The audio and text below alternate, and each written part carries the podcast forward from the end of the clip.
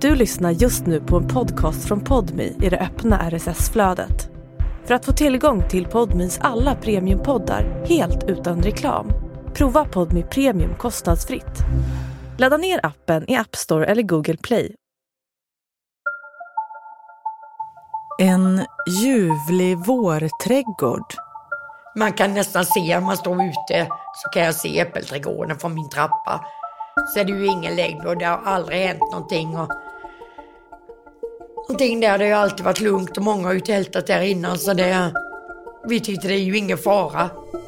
Gräset spirar, syrenhäcken blommar och äppelträden prunkar framför den vita disponentvillan. Barnen bestämmer sig för att tälta. Det har de gjort förut. Tog sin, eh, vad heter det, sovsäck och det här. Överlycklig då för att få åka iväg. Men under natten händer något som man aldrig har kunnat föreställa sig i det lilla samhället. Och det sista hon skrek i dörren så skrek hon hej då mamma, godnatt, nu syns vi imorgon. Då ringer de hem och då är det ju bara att klä på sig att åka hit och sen det har hänt ett mord i Orrefors och du får åka dit. Du lyssnar på Podmi Dokumentär och det här är första avsnittet av Flickmordet i Äppelträdgården. En serie i tre delar av mig, Stina Näslund, från produktionsbolaget Filt.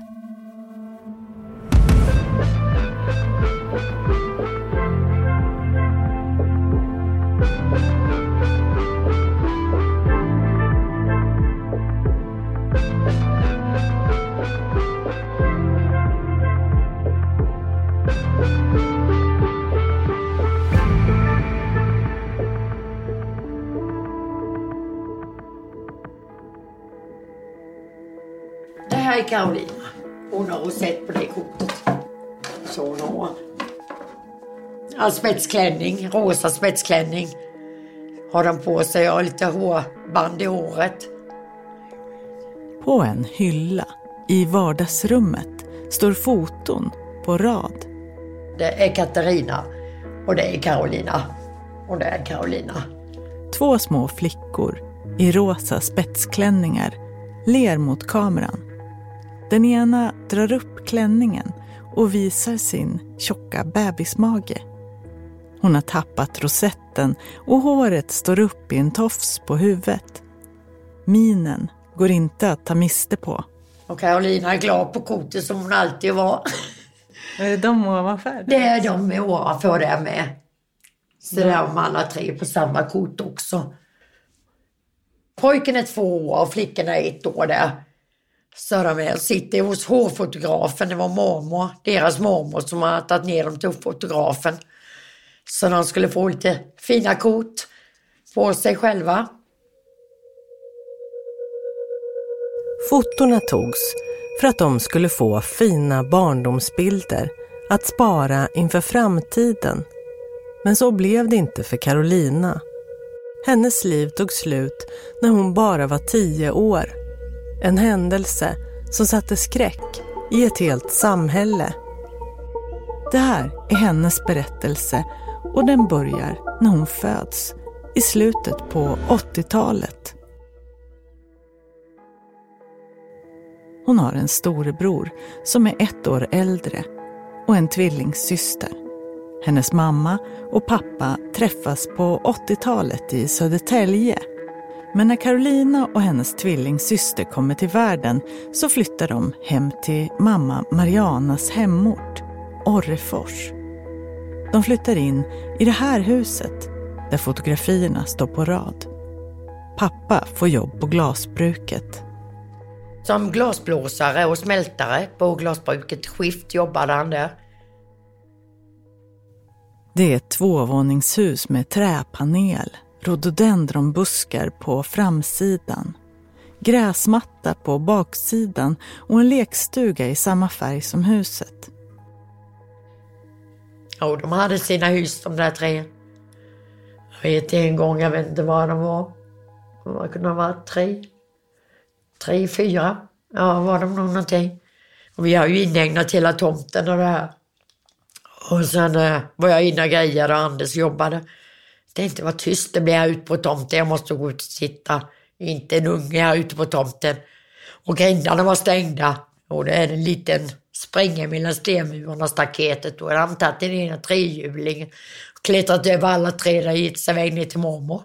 På gatan där nere. Men då var det mamma som kom efter och tog hem dem. På andra sidan gatan ligger skolan och ett kvarter bort ligger det kända glasbruket där många av dem som bor på orten jobbar. Orten är känd för sitt vackra, anrika glas som tillverkats här sedan 1800-talet. Men kommer snart också vara känd för något mindre smickrande. Tidningarna kommer att skriva om ett brutalt barnamord som ingen trodde kunde ske på den här platsen och en gärningsman som ingen kan föreställa sig. Hur är det möjligt?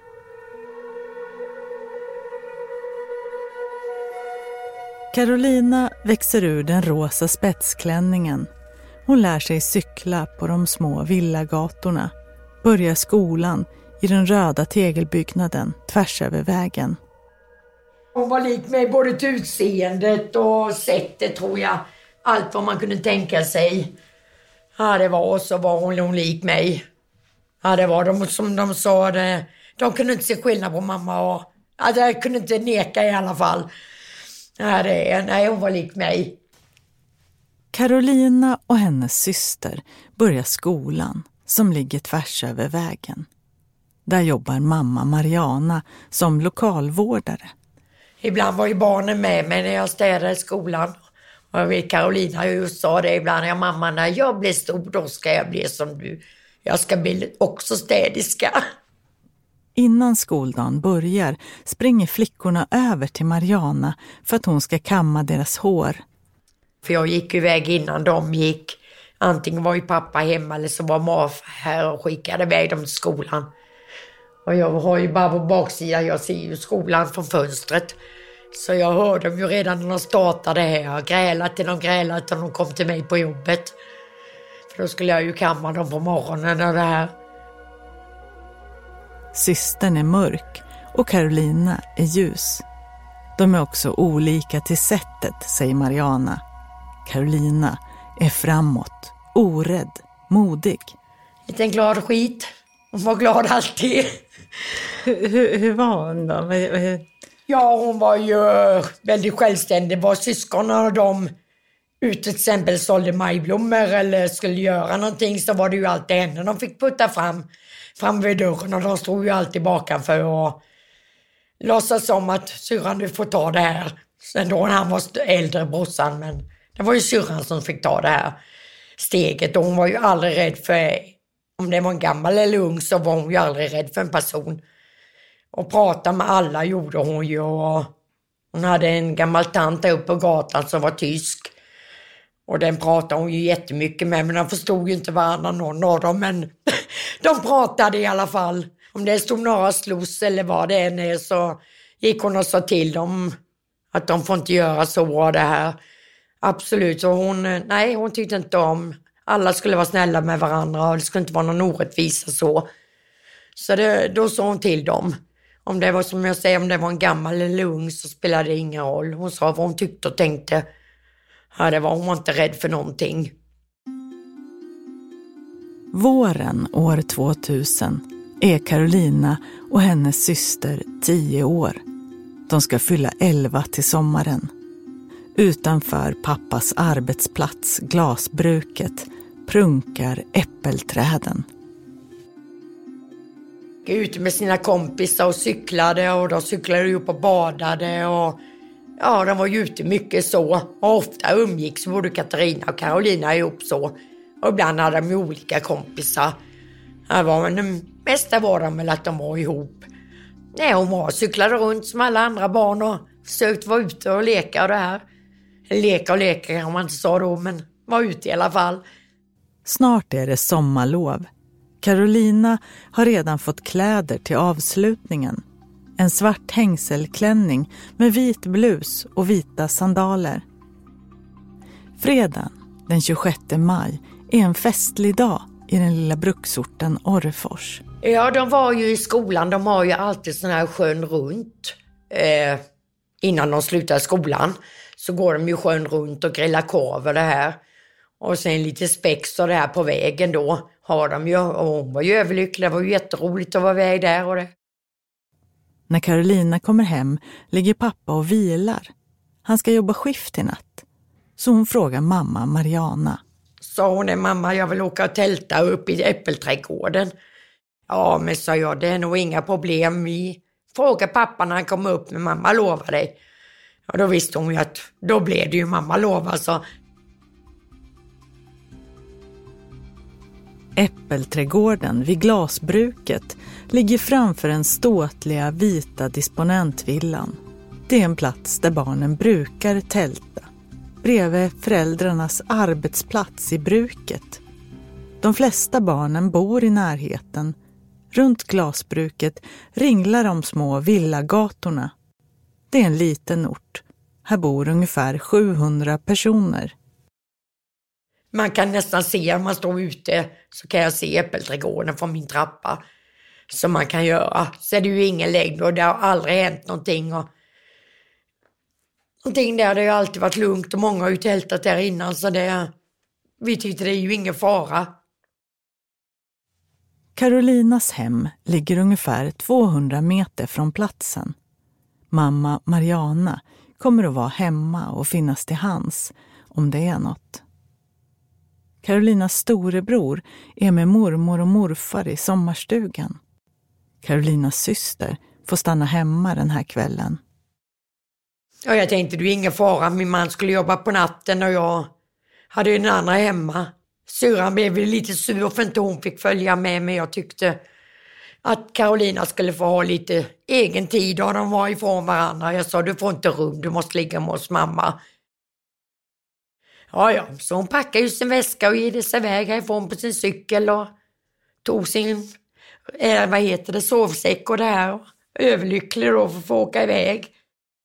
Det kommer att bli sista gången som Mariana hör Carolinas röst. Och det sista hon skrek i dörren, så skrek hon hej då mamma, godnatt, nu syns vi imorgon.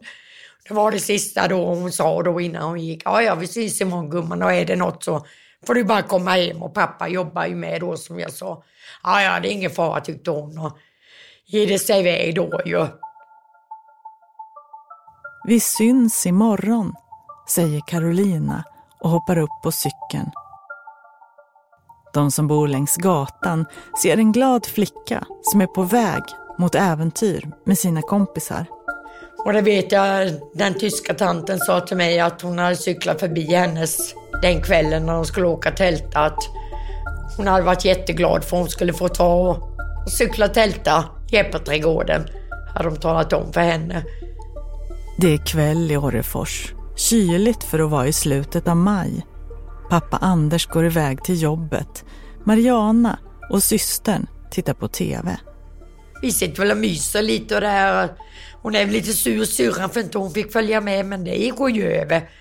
Så det gör så vi har ju mysigt och det här och sen går vi och lägger oss och, och jag hör ingenting från Carolina på hela kvällen så jag tror det är lugnt och det här och och sen är man ju inte orolig tack vare att glasbruket är igång. Det är fullt med folk där uppe och, och det är sommar och det här. Så det är man ju inte orolig. De går upp för den vitmålade trätrappan till övervåningen, lägger sig i sina rum, i sina sängar. De somnar som vanligt. Men när de vaknar är tillvaron för alltid förändrad. Det är tidigt, tidigt på lördag morgon. Mariana vaknar plötsligt av ett ljud. Att jag hör någon komma in genom ytterdörren uppspringande för trappan till övervåningen. Det är Anders, Carolinas pappa. Han har lämnat sitt pass på hyttan och springer nu upp för trappan. Han skriker. Och då kom han inskrikande och sa att Carolina blivit misshandlad. Och då vaknar ju syrran också, så det är hennes syster. Mariana kastar sig i bilen och kör de 200 meterna till slutet av gatan, till Äppelträdgården. Nej, jag hade bara tanke om att bli misshandlad. Då tar jag bilen och kör in henne till sjukhuset. Det var ju min tanke. Hon parkerar på gräsmattan. Några föräldrar, personer som jobbar natt på bruket, är där och brandkåren och sjukvårdspersonal. Bredvid de två tälten mellan äppelträden ligger Carolina. Jag står väl en fem, sex meter ifrån henne och skriker det att eh, varför gör ni ingenting? För de slutade göra någonting med henne. Så då skriker jag det, varför gör ni ingenting med henne? Och då kommer det fram en läkare, jourläkare och säger det att jag ska bara tala om att din dotter är död.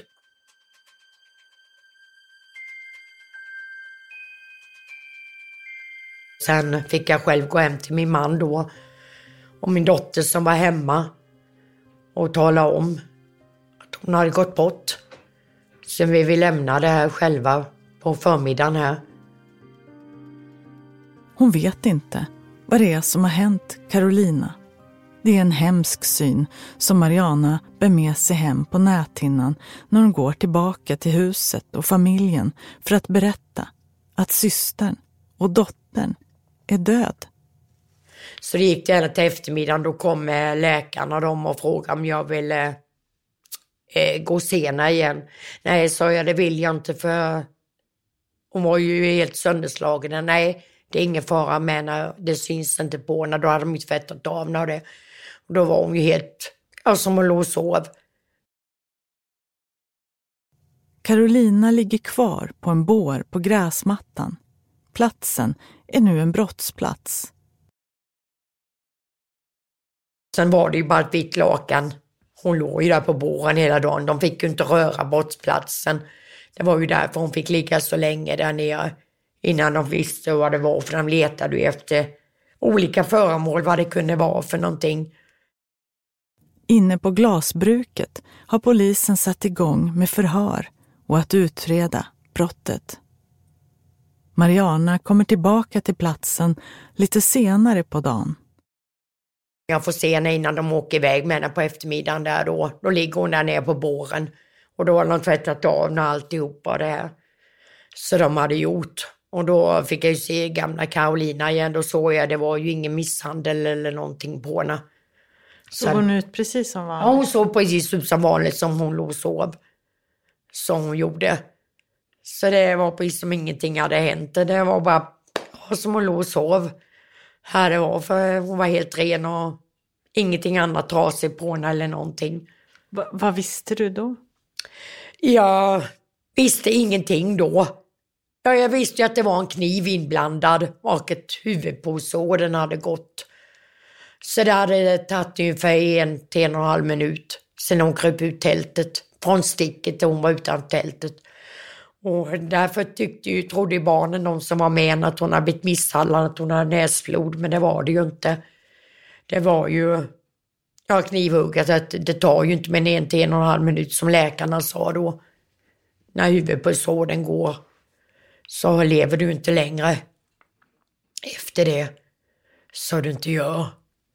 Så det är omedelbar död och de hade inte kunnat göra någonting överhuvudtaget.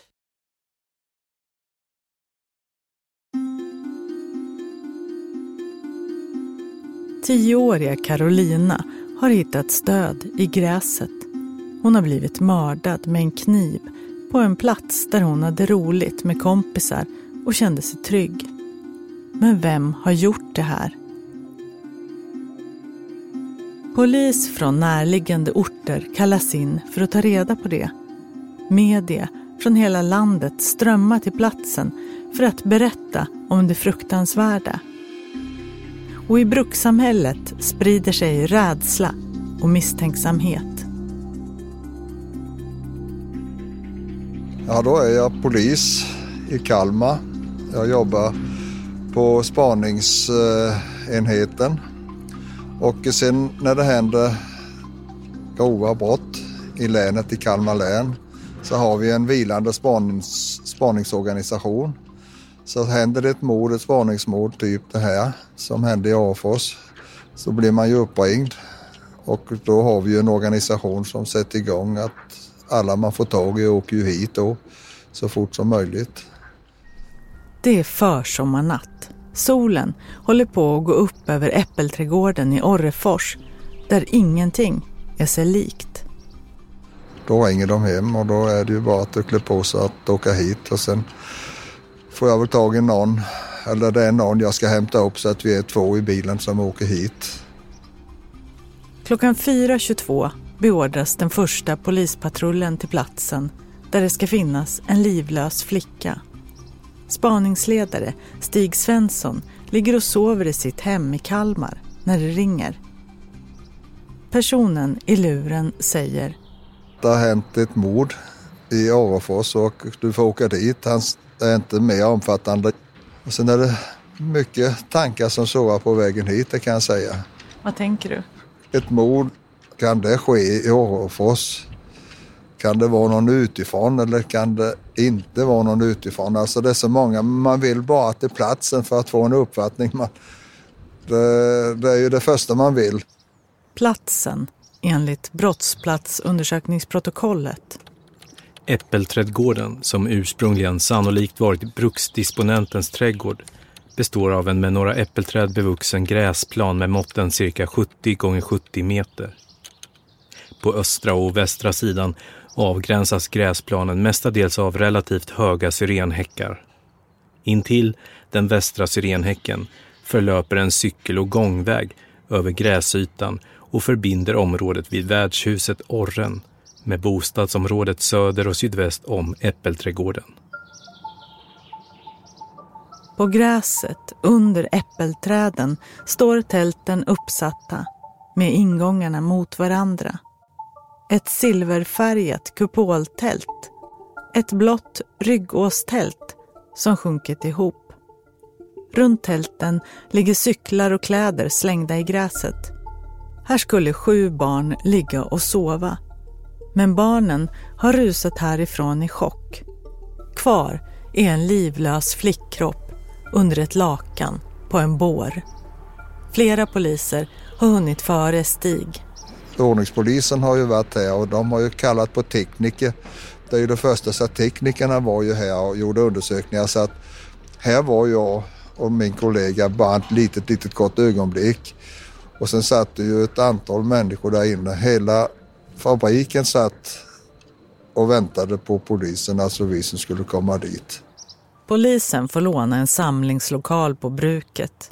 Fabriken har stannat upp och de som arbetar här samlas tillsammans med anhöriga familjer. Klockan har nu hunnit bli sex på morgonen. Men det var precis fullt utav människor. Det var knäpptyst i lokalen.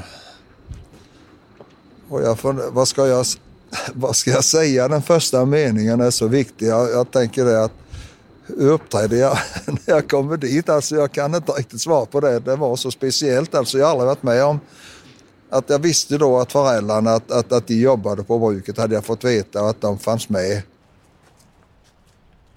Det är en morgon som Orreforsborna inte kommer att glömma. Ute på gräsmattan, under äppelträden, har polisens tekniker mätt blodfläckar. De har dokumenterat en reva i det ena tältets kortsida. En reva som skulle ha kunnat orsakats av en kniv. På platsen har de hittat strumpor, godispapper, badlakan, sandaler men inget stickvapen. En flicka har hittats död och en annan har fått ett stick i nacken och körts iväg till läkare.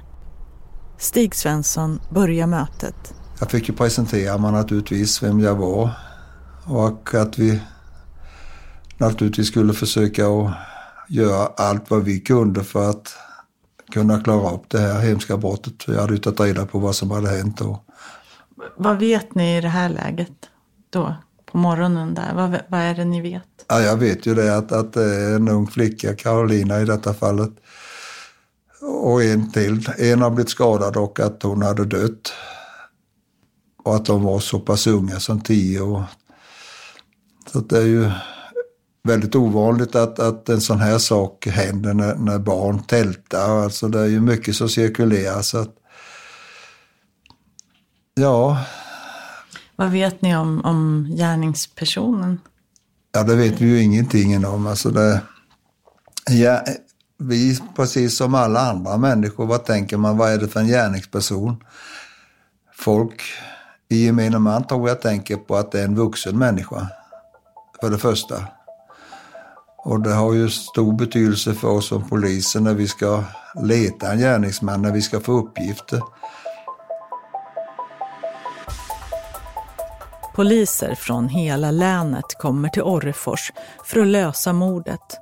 Barnen som har tältat, deras föräldrar och alla som rört sig runt tältplatsen förhörs. Mediebevakningen är intensiv.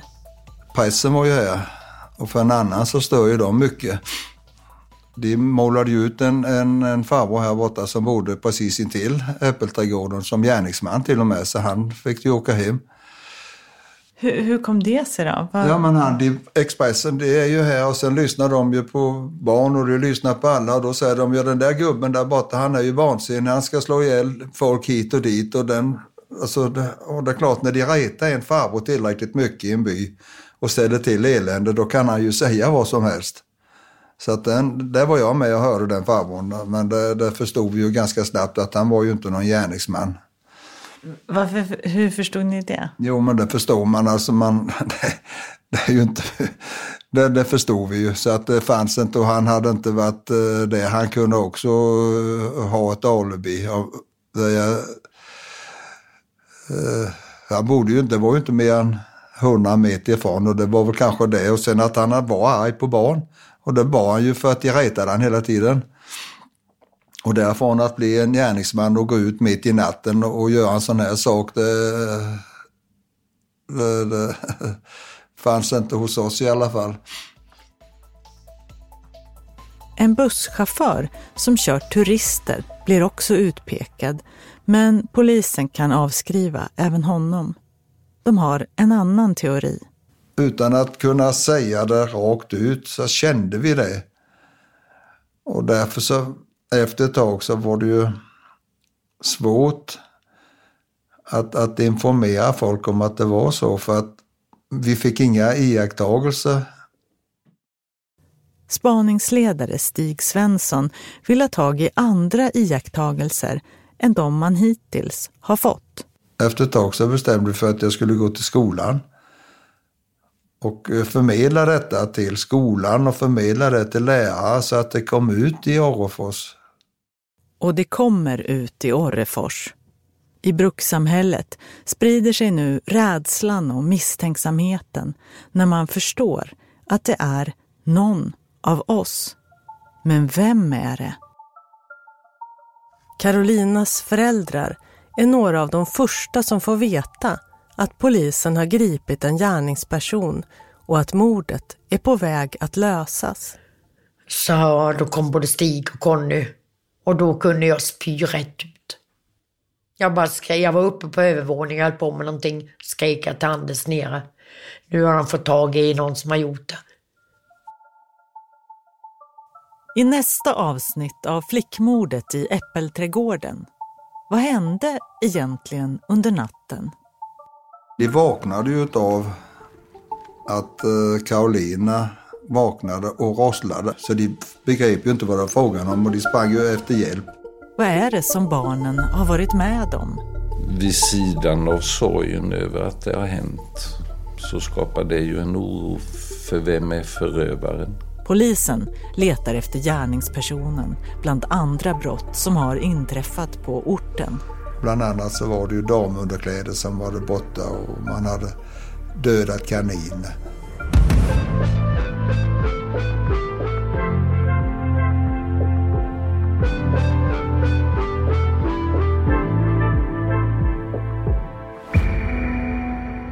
Du har hört första avsnittet av Podmi dokumentär om flickmordet i Äppelträdgården. En serie i tre delar av Stina Näslund från produktionsbolaget Filt.